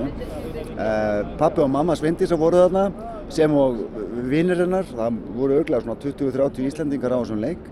Uh, hann náttúrulega fór ekki alveg eins og til stóð allavega hvað, hvað Wolfsburg og Sveindísi og þau varðar en ég minna að þau, uh, Wolfsburg byrjaði nú mjög vel, hérna skoraði tvö mörg en, en, en, en börsungar komu tilbaka í setni háleik og, og rauðuði inn tvei mörgum á einhverjum fjórum mínútum og, og síðan sígu markinu aðeins síðar. Þannig að það, það voru en, en, en Sveindís var brött, hún spilaði allan leikin og, og stóð sér bara mjög vel og, og bara leita á þetta sem mjög fína reynslu. Ég rætti aðeins við henn eftir leik og hún var bara mjög brött og, og sagðist alveg bara 100% vissum það að hún ætti aftur eftir að fara í svona leik og uh, vinna, vinna hennan titil eins og, eins og hérna hvað tveir aðrir íslendingar hafa gert ef við mannum eftir Sara Björk Gunnarsdóttir og Eður Guðjónsson. Akkurat uh, En þetta var hins vegar, já, já verið ekki Nei, já, einmitt, þetta hefur verið uh, tölverð upplifun. Uh, Þú ætlaði aðeins að segja okkur líka frá uh, PSVaf og svona, já. Já, því Akkúrat, hvernig það sko- lið varð til. Akkurat, PSV Eindhoven eins og ég sagði er, er mjög frækt lið í Hollandi. Það var semst stopnað í Eindhoven uh, af hérna, fyrirtækinu sem að einu sinni réð öllu í Eindhoven sem heitir Philips. Og Íslandingar á hákunum aldrei kannast mjög vel við Philips ráftækin og alls konar vörur sem voru, voru framleitar þar sem var myndbandstæki og, og alls konar ráftæki uh, þess að PSV stendur rauninni fyrir Philips sportverðæn eða, eða íþróttasamband Philips. Að Þetta var í rauninni sko fyrirtækjalið sem, að, sem að var til aðna einhvern veginn 1916 ef ég mann rétt. Philips er, er reyndar hægt að framleiða öll þessi ráðtæki sem að það var svo mjög mikið þekkt fyrir. Það er fyrir að einbytta sér að, að heilbriðisgeranum og það er ekki lengur stærsta fyrirtækið í Eindhoven. Það er annað fyrirtækið búið að taka, taka þann sess. Verð, það er sem sé ekki lengur hægt að kaupa Philips sjónvarp. Þetta verður alveg Veistu það, ég, ég, og annað ég, slíkt. ég er bara ekki alveg viss hvort að vörumerkið er ennþá til sko, en fyrirtækið sjálft er hægt að framleiða, framleiða þessar vörur og, en ég, mögulega eru sko til ennþá Philips uh, ryggsugur, ég bara skal ekki taka fyrir það en, en, en, en Philips sjálft er ekki lengur að framleiða Skellur ef satt reynist. En uh, hvað er þá uh, stærsta fyrirtækið í Eindhoven? Sko, það er nefnilega fyrirtæki sem heitir ASLM sem er skamstöfun á því sem á ennsku heitir Advanced Semiconductor Materials Lithoth Lit Lithographia sem er basic, sem er, sem er, er, tæ, þetta er, semst fyrirtæki sem að framleiðir tækjabúna sem að, sem að býr til eh, og prentar svona rásir á örflögur uh, sem eru svo notaðar í svona, alls konar tækjum eins og til dæmis tækjunu sem ég er að tæla í núna eða farsímanum sem að allir eiga eða tölfur eða, eða bíla eða bara öll svona háþróuð ráftæki ASLM er eiginlega bara eina fyrirtækið í heiminum sem að framleiðir þessa tækni sem að er notuð til þess að til þess að búa til þessar þróuðustu örflögur sem er í bóði núna. Þessar örflögur eru eins og ég sagði notaðar í alls konar ráftæki, þar á meðal í ráftæki sem að nýtast í hernaði. Sem að þýði það að þetta fyrirtæki er orðið ekki aðeins sko ráðandi í Eindhoven, heldur líka orðið að bitbeini í stórveldapolítikinni um, að því að hollensk stjórnvöld hafa, og gerðu það reynda nýlega, þeir hafa bannað þessu fyrirtæki að flytja út þróaðasta taknibúnaðin sinn til Kína eftir að, eftir að bandarækjaman settu sagt, svipað bann á útflutning þangað. Þannig að ASLM er eh, bara mjög, mjög mikilvægt fyrirtæki í, í, í teknikerunum og líka í stórveldapolítikinni. Jáhá. En Björn að því við byrjuðum nú að tala um uh, fótbolta, það var líka mikil dramatík í boltanum í Belgíu í gerkvöldi, ekki satt? Jú, það, það, voru, það var mikil, það var mikil dramatík hérna í gerkvöldi. Það voru þrjú lið sem áttu mögulega á því að verða meistari í kalladeildinni. Er að meðal heimaliðið hérna í Brussel sem heitir Union Saint-Gilloise sem var að spila við FC Brugge sem að íslenskir fótbolta áhuga menn þekkja vel. Hinleikurinn á sama tíma var meðli Antwerpen og Genk og öll lið nema Brugge áttu möguleika á deillinum og á 89. mínútu, það er að segja að leikindum voru á sama tíma, á 89. mínútu var staðan þannig að Union, þessi heimiliði hinn í Brussel, var að, var að verða meistari, það var yfir gegn Brugge. Á 91. mínútu var Genk að ná tillinum, það var staðan 2-1 fyrir þeim gegn Antwerpen, en mínút, eða þreimur mínútum síðan þá jafnaði Antwerpen og náði þannig efsta sætinu á meðan okkar menn hér í Brussel töpuðu 3-1, það voru náttúrulega gríðarlega vonbriði fyrir svona Brusselbúa að því að, að, því að, að því að Unión er svona heimaliði hér og á mjög djúpa rætur hérna í borginni. En þetta var náttúrulega sögulegu sögur í Antwerpen. Þetta var þeirra fyrsti titill síðan 1957 og maðurinn sem að skoraði er auðvitað heimamaður sem að spilaði lengi Erlendis en kom aftur heim síðasta sumar. Hann heitir Tobi Alderweireld og hann er auðvitað orðin episk hetja í Antwerpen. En er þungt yfir Brusselbúum þá á móti? það voru allavega mjög mikil vonbriði í San Gil hverfinu hérna í söðuluta Brussel í gerð og það var gríðarlega mikið af fólki að horfa á, á leikinn sem hann náttúrulega fekk ekki með á náttúrulega sko lungu uppsöldi á völlin En það voru mjög margir á börum hérna nýri í bæ og á torgum hérna nýri í San Gil. Ég skrappaðist þangað og svona fylgdist með stemningunni en fór reyndar heim áður en að leik lauk. Það var rosalega mikil stemning og mörg þúsund manns upp á götum, í, allir klættir í, í, hérna, í, í, liðstreyjur með fána og, og, og, trefla og, og hérna, voru hérna að skemmta sér í góða verðinu og, svona, vonast, svona vonast eftir góðu gengi sinna manna en ja, það gengur bara betur næst. Einmitt það. En uh, í aðra sálma við uh, litum á forsýður dönskublaðana hérna í morgunvættinni í morgun og þar er fjallað um heimsók Mette Fredriksen, fórsættis að þeirra dana til Washington. Hún er uh, lögðast að til fundar við Joe Biden. Já, það er fyrsta heimsókn Mette til Hvítahúsins í Hvítahúsis húsið. Uh, ég held að ef ég mann rétt þá fór Lars Lökke þannig 2017, þá var náttúrulega Trump í, í, í, í Hvítahúsinu. Ég held að fundur þeirra að tveggja í dag verður nú svona öllu, já, ég voru að segja jákvæðari. Uh, ég, svona mér sýnist á umfjöllunum fundin að hann muni að, að mestuleiti snúast um sko um viðskipti, um, um, um samskipti Danmerkur og, og kannski í starra samhengi samskipti sko Európusambandsins og Bandaríkjana. Það er verið að tala um þessa svona, þessi orkuskipti og, og hvað Bandaríkjumenn hafa verið sérst, gera fyrir sín fyrirtæki uh, sérst, gagvart, uh, sérst, gagvart því að, að styrkja þau til orkuskipta. Ég veit að sko stjórnvöld í Európuríkjum og hjá Európusambandinu hafa haft af því einhverjar áhyggjur að þessi verið að mismuna samkjafni uh, í þessum málum þannig að það verður örgulega rætt um það. Það er líklega líka verið að tala um sko undirbúning fyrir leðtóafundin hjá Allansarsbandalæginu í Vilnius sem verður í, í júli og í því samhengi sko, hefur nafn Mette Fredriksson verið nefnt sem, sem, sem, mögulega, sem, sem mögulegur arftæki Jens Stoltenberg, núverandi framkvæmdastjóra NATO. Hann er að fara að hætta, hann ætlaði reyndir að vera hættur í fyrra en var beðin um að halda áfram og það er verið að leita með lógandi ljósi að eftir manni eða eftir konu hans Það hefur verið talað um að þessi komin tími til þess að kona verði leiðtogi allarsvarsbandalagsins. Það væri þá svo fyrsta og, og það sem kannski spilar inn í þetta líka sko er að, að á undanförnum árum þá hafa sérst framkvæmtastjórar uh, NATO komið úr röðum þjóðar leiðtoga. Uh, áður voru, sérst, voru þetta mikið til utarrikiðsáþæra sem að syndu þessu. Þannig að sko hópurinn uh, þjóðarleiðtogar í aðaldaríkjum sem eru konur, hann er ekki mjög stór. Mette er í þeim hópi og hennar nafn hefur verið nefnt. Uh, hún hefur afsagt að hinga til allana sagst vera mjög ána með stjórnina sem hún er nýbúin að skipa í, í Danmörsku og vill verða, verða þeirra áfram. Þetta ber öruglega á góma í kvítahúsinu af því að bandaríkjaman náttúrulega kannski eru mjög áhrifamiklir þegar kemur að því að velja næsta leiðtóa bandalagsins það þarf að finna einhvern að því að Stoltenberg er að fara að hætta eh, hann kannski heldur áfram í einhverja mánuði eftir leiðtóafundin í Vilnius en það er farið að sjá fyrir endan á hans tíð sem, sem framkvæmdastjóra. Ég, ég veit ekki hvort að Mette tekur þetta í mál en, en það er allavega áframverið að leita og, og uh, hún, já, ég meina, hún mætir til Vilnius. Þar verður það sjálfsögðu talað mjög mikið um Úkrænu.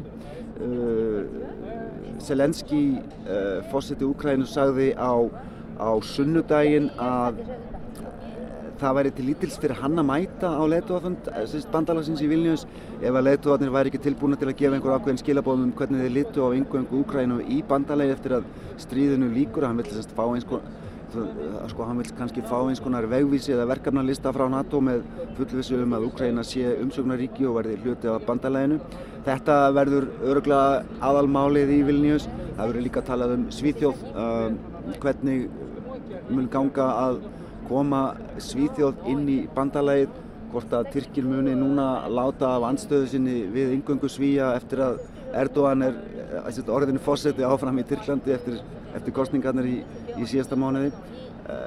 Þetta, þetta er umræðuefni sem að er á vörum allra leitt og aðeins er ekki að NATO þessa dagana og það verður örgulega rætt um þetta í Hvítahúsinu á milli þeirra Mette Fredriksson og, og Joe Biden.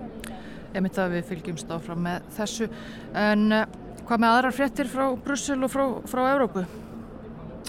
Já, það er svona kannski í dag, svo, svo ég kannski tala aðeins áfram um Úkræna, það kemur í ljós í dag hvort að Evrópusambandi ætlar að framlengja takmarkanir á innflutningi á korni frá Úkrænu sem var sett í apríl.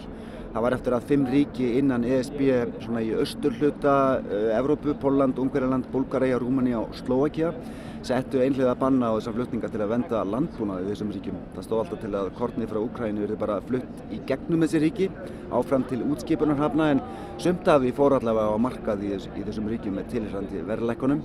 Þetta var leist að hluta til eins og svo ofta áður með því að styrkja bændur í þessum fimm ríkjum.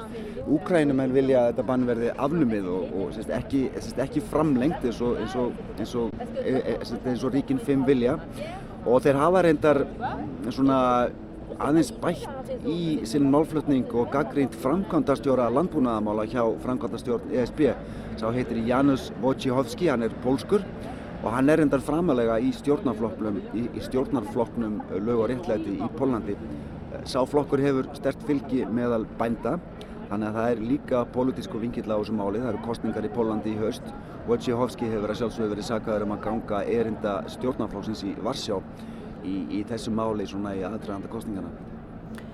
En það er ennþá verið að flytja korn með skipum yfir Svartahafið, ekki satt? Jú, það samkómulag var endur nýjað í mæ, reyndar með mjög skömmum fyrirvara, rússar svona, svolítið, stóðu svolítið í vegi fyrir því allavega alveg upp að því að það var að fara að renn út en það var semst endur nýjað held ég átjánda mæ minni mig. Það er búið að flytja yfir 30 miljón tonna af, af korni þessa leiðina yfir Svartahafið eftir að innrás rúsa hófst og, og, og þetta samkómulag náðist nokkru mánuðum eftir að innrásun hófst í, með milligöngu Tyrkja þannig að, að syns, það hefur áfram tekist að flytja út uh, korn frá Úkrænu sem er eitt af sko, stærstu korn framleiðslu ríkjum heims og, og það skipti það sjálfsögur greiðalegu sko, miklu máli fyrir mörg af fátakari ríkjum, ríkjum heims sem að, sem að þurfta á þessu korni að halda ekki síst vegna þess að að heimsmaskarsverða á því raug upp eftir að, eftir að stríðið hófst. En þetta er sko flutningaleið yfir Svartahafið hún í rauninni annar ekki því magnið sem að, sem að til þarf og sem að, sem að er fyrst, sko fluttarni yfir á, á fríðatímum. Þannig að það var alltaf ljóst að það þyrti að, að koma kornir landleiðina í vestur átt frá Úkrænu. Þetta hafði þar að, sko, þessar afleiðingar sem ég rakti á þann og, og hefur valdið þessum pólitísku deilum innan ESB og svona kannski, kannski svona byrt ákveðnar sprungur í þeirri samstöðu sem að hefur ríkt þó innan ESB og viðar um, um stuðningin við Úkrænu. Er kannski, kannski rétt að nefna það líka að, að þessi ríki eru all mjög einörð í stuðningi sínum við, við Úkrænu hafa tekið á móti miljónum flóttamanna, sendt mjög mikið af herrgögnum En þegar kemur að sko málefnum landbúnaðar í þessum ríkjum, sérstaklega kannski í Pólandi, þá, um, þá vilja þau setja stólum fyrir dittnar hvað þetta var þar. Með það, Björn Malmqvist í uh, Brussel, á Torki í Brussel, sér þú fram á að komast aftur inn eða ætlar að vera þarna á Torkinu Já, í dag? Það er, mér sýnist að byrja að hleypa fólki aftur inn núna, þannig að ég ætla að blanda mér í rauðina og, og setjast aftur við tölvuna. Takk að þér kærlega fyrir spjallið Björn. Takk. Björn Malmqvist í eh, Brussel rætti við okkur um uh, evrósk málefni og uh, fóboltan sem leiðis, hann var í Eindhoven á úslita leiki mestradeild hvenna í knastbyrnu þar sem að Sveindís Jane Jónsdóttir leik með leiði sínu Wolfsburg. Sigraði því miður ekki. Leikar fóru 3-2 fyrir Barcelona en gengur betur hjá Sveindísi næst, hún var keik í leikslokk sagði Björn okkur maður rætti við hana eftir leikin og hann sagði okkur líka frá heimsókn Mette Fredriksen fórsættisráður að dana til Washington og fund Joe Biden bandaríkja fórsætta en það líður að fretta yfirleiti og að því loknu heldur morgunvaktin áfram síðasti haldtími þáttarins við fylgjum ykkur fram til klokkan nýju. morgunvaktin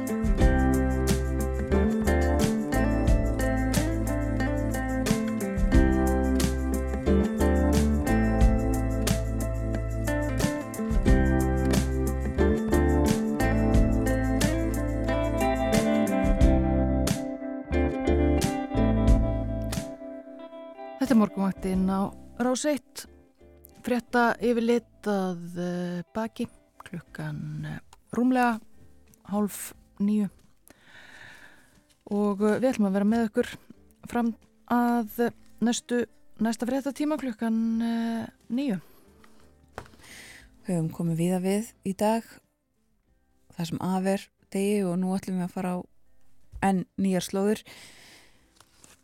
við ætlum að ræða um gerfugrind við höfum gert þetta af og til. Eh, það eru held ég að bara sé nánast þetta fullur það eru óteljandi ángar af uh, þeim málum sem hægt er að ræða. Í dag, síðar í dag þá verður haldin uh, haldin málþing um siðferði og samfélag í tengslum við gerfugrind. Þannig að verða vísindamenn frá Háskóla Íslands og Háskólanum í Reykjavík líka og þangað koma líka ráþarar uh, og ymsir fleiri uh, fólk úr atvinnulífnu líka frá persónuvernd og það var þetta að halda áfram til þess að ræða þessi mál uh, gerfugrind, siðferði og samfélag og einn þeirra sem að tekur til máls á eftir er Guðbjörg Linda Rapsdóttir, aðstóðarektor vísinda og profesor við eh, félagsmannfræðu og þjóðfræðidelt Háskóla Íslands. Hún ætlar að ræða um nótkun gerfugreindar við stjórnun og nýráðningar og hún er hinga komin til okkar á morgunvaktina. Velkomin. Takk fyrir. Við ætlum að ræða þessi mál, um, hvernig þetta er uh, notað og verður hægt að nota og svona áskoranirnar sem að um, við stöndum frammi fyrir. Sko, þú sagðir okkur það núna að það er eiginlegt að skipta þessu í tvent. Þú ætlar að tala um þetta svona inn í stjórnun, bæði hvernig uh, gerfugreind er notuð bara daglegu lífi stjórnenda og svo líka hvernig hún getur nýst okkur og kannski nýtist okkur nú þegar við það að ráða inn fólk. Ef að byrja á að tala um uh, það hvernig þetta er notað í bara svona daglegu lífi uh, í, við, við stjórnun. Já, uh, það er þannig með gerugrindin eins og þú sa- saðir að það eru, þetta eru ýmsir ángar uh, sem að hún, hún tegir sig uh, til en uh, og það er svolítið þannig að það sem er nýtt í dag er orðið úrelt á morgun og getur verið dálítið erfitt að hafa yfir sín yfir, yfir hvað, hvert við í rauninni hvar við erum stödd og, og hvert við Mhm. stefnum.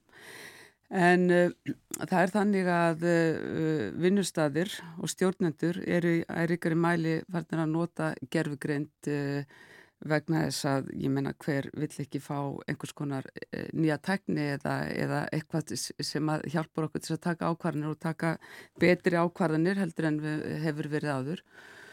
Og það hefur sínt sig að stjórnendur almennt eru bara mjög spenntir fyrir því að, að, reyna að nýta gergendatekni og, og það er bara fólk, uh, fólk almennt.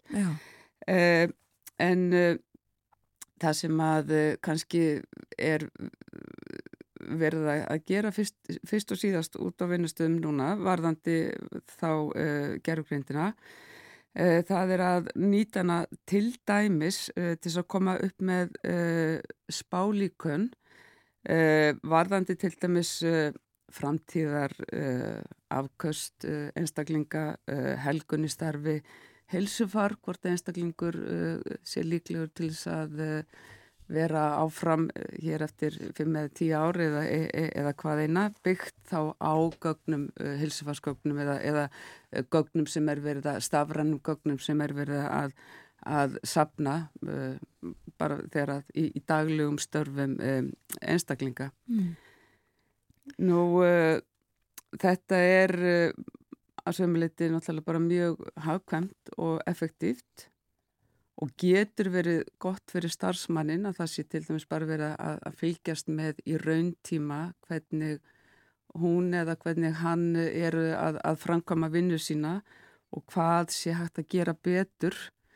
Uh, það sem er, það hefur náttúrulega í mörg ár og í rauninni áratöyu verið þetta sapna upplýsingum um, um, um framkvæmt vinnu hjá uh, einstaklingum uh, en það sem er í rauninni nýtt núna það er að uh, nú er semst, gerfugreindin farin að koma meira inn til þess að sapna uh, og það er þá semst verið að, að nýta stafran gögn sem sapnast um hegðun okkar til þess að koma upp með þá hagnýtt ráð um það hvernig stjórnundur eigi að taka ákvarðanir um næ, næstu skref sem þá lúta að einstaklingnum. Já.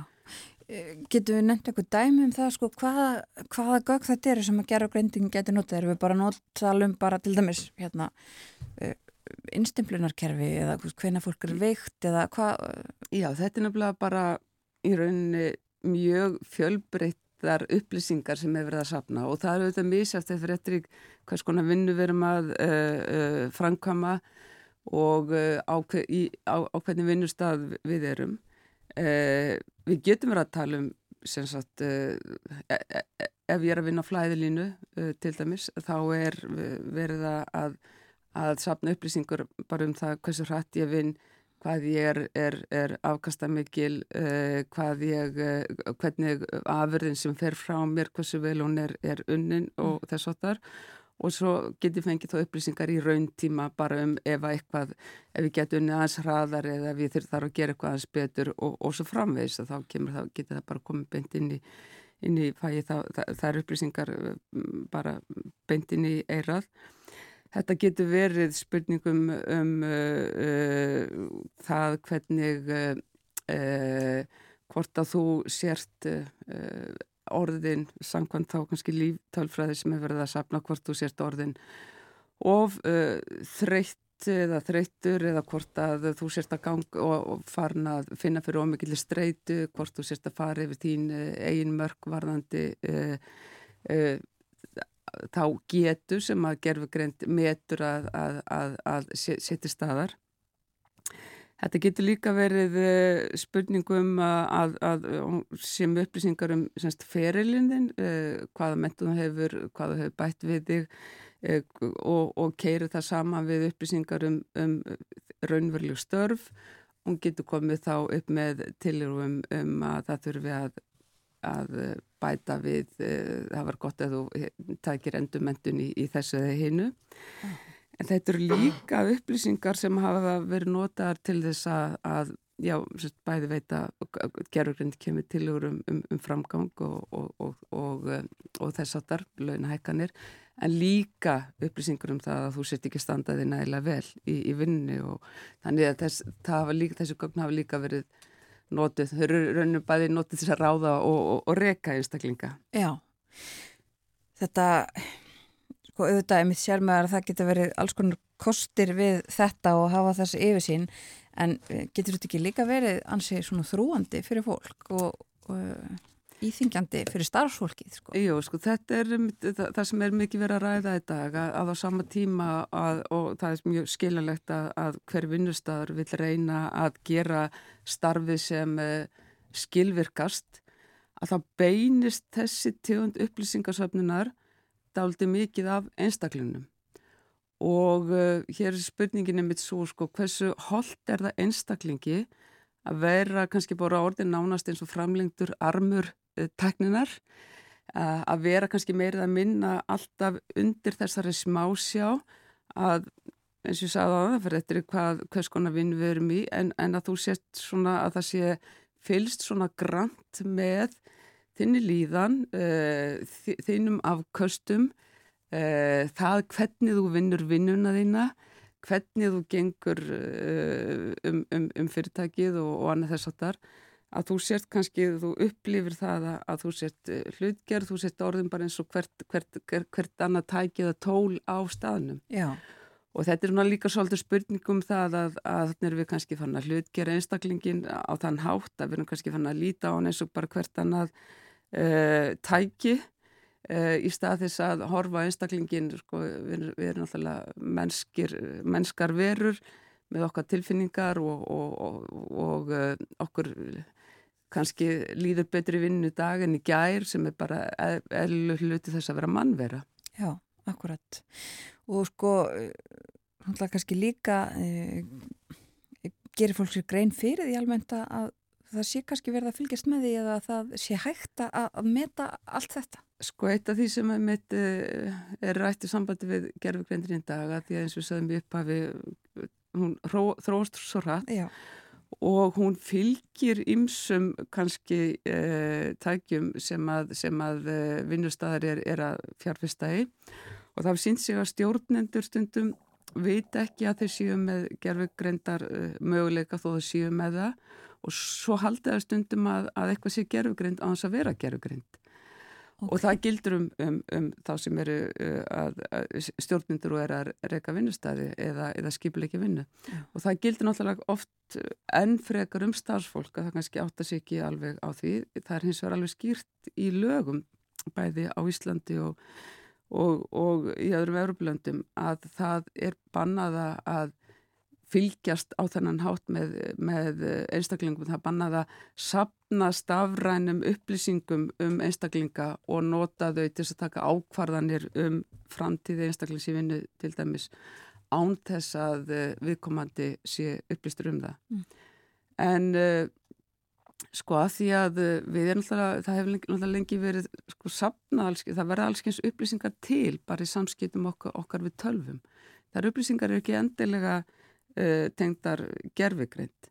En gerfigreindin er síðan þess, þessi tækni sem gerir það verkum að þú getur uh, uh, dreyið álíktanir og spáð fyrir um það hvernig einstaklingurinn muni Uh, vera eða hegða sér eða, eða, eða já, standa sig á næstu uh, árum eða náni framtíð. Já, sko uh, það var ekkert að halda alveg áfram að tala bara um þetta, Guðbjörglinda, en við hljóðum líka að tala um sko, þetta er það hvernig þetta er og getur verið notað inn á vinnustöðum í bara svona daglegu lífi stjórnenda.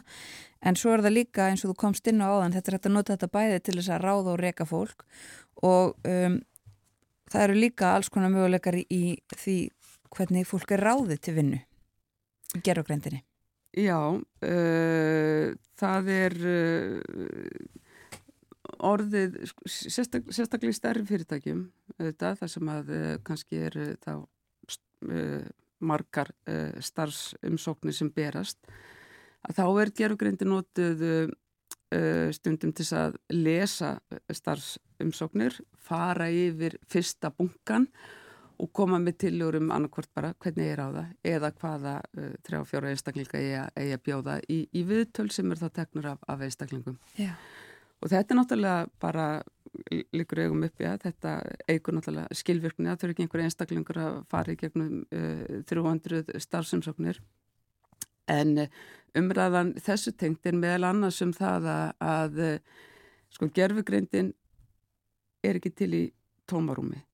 Hún verður ekki til tómarúmi. Hún verður til af annarkvort uh, þannig að, að einstaklingur eða einstaklingar uh, prógrameri uh, hvað, við, hvernig viðkomandi á, á að vinna eða og þetta byggir það á prógrameringu líka að þá er hún notuð, þá, þá, þá er henni gefin bara laust taumur og, hún, hún fer sjálf á beit, kannski eins og stærri eh, gagnarsöfnum eins og LinkedIn eða einhver starf, þá, þá get, geti kannski rúf sagt, nú vantar okkur eh, þáttastjórnunda hér eh, hérna, farin á LinkedIn og, og kontið mig til um, um, um, um hvernig við erum að ráða Já.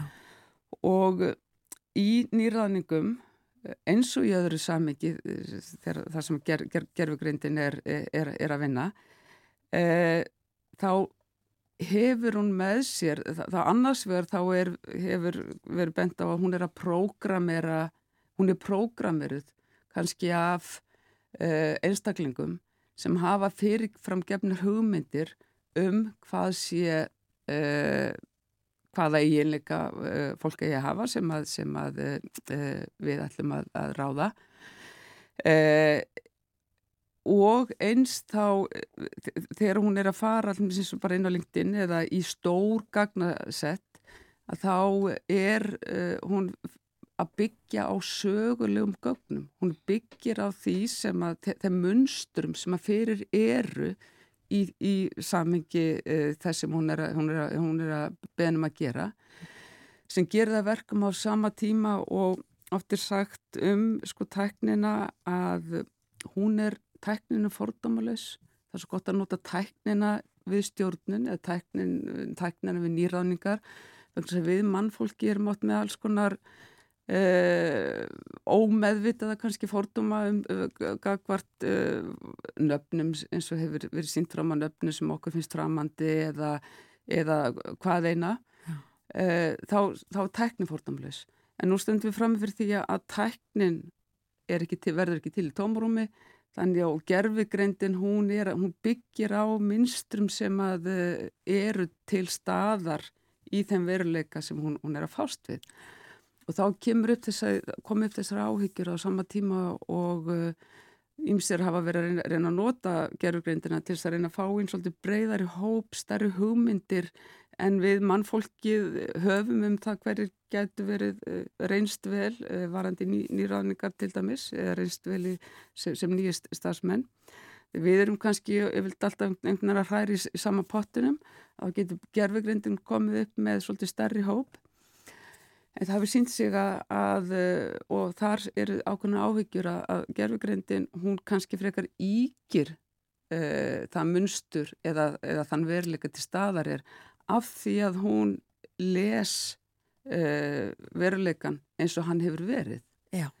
Uh, þannig hún kannski nýtist ekki alveg á, á samhátt er, er fólk að, að átta sig á í dag sem þessi fordómalösa tækni eins og, eins og vonast hefur verið til. Emmitt, hún jafnvel ennþá uh, verri heldur en við. Já, kannski og það hefur komið upp líkið öðru samingi eins og allum sem nú er, hefur uh, vélmenni hafa verið notið til þess að uh, og, og þá erum við eftir að tala um starfsfólk sem að, sem að búið að ráðinni fyrirtæki. Mm -hmm. Þá eru annars vegar spjallþræðir sem við þekkjum allum all, meira að minna lendi í einhverjum spjallþráðum En síðan eru líka semst, bara vélmenni sem hafa verið fengið til þess að ræða við, við starfsfólk um eitt og annað.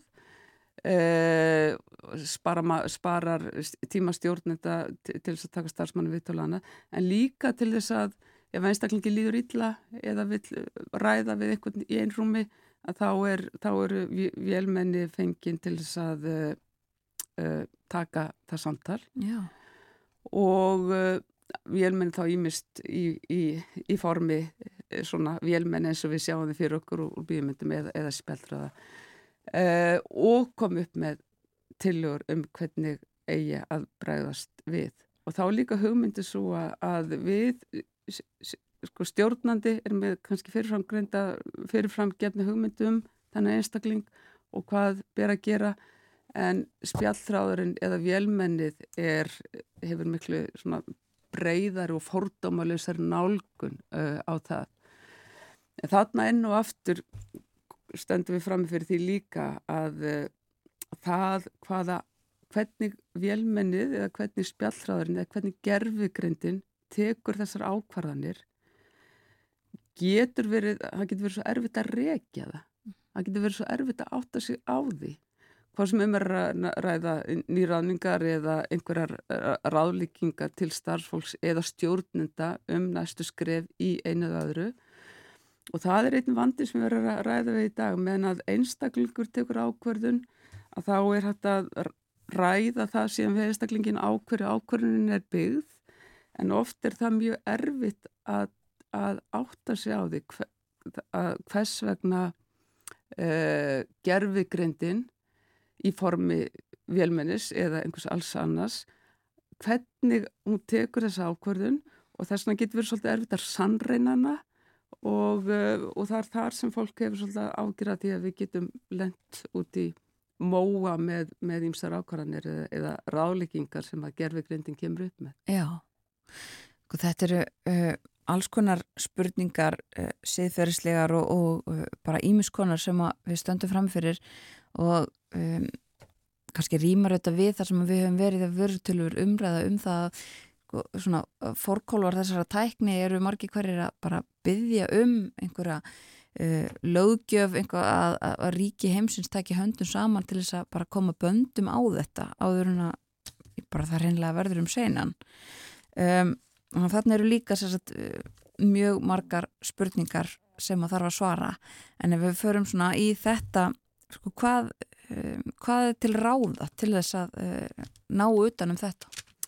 Sko það er mikil umræðum það í dag að, að reyna sérst, að fall ekki þá grifi að, lít, að líta á setja okkur í einhvers konar tæknilega nauðhyggju stellingar og finnast bara það sem tæknilega kleift það, það þánga verði að fara. Heldur að hugsa þetta svolítið þannig sko, tæknin er náttúrulega tækni, mm -hmm. tæknin er afleðing mannan að verka þó gerfug greindi sé orðin þannig að hún sé sem farin að leggja til og taka ákvarðinir sem við áttum okkur ekki alveg á hvaðan kemur, að þá er það samt sem áður við sem stýrum og stjórnum tækninni. Þannig að það er mjög mikil umræðum það núna að sko annars vegar að þá það hvernig við ætlum að nýta uh, afurð gerfugreindar uh, það þarf að taka ákvörðum það í, í samtali við hagaðila, sam, samtali við, við, við starfsfólk fylgur og starfs, starfsmanna og þess áttar uh, vinnustæðir, stjórnendur uh, geta ekki uh, treyst á uh, ger, gerfigreindar uh, tillögur á þann hátt sem við vitum að hefur verið gert og við hefum ótal dæmi það frá, frá uh, bandaríkunum til dæmis og, og, og frá Europulöndum og, og eitthvað hérðan frá Íslandi sömuleiðis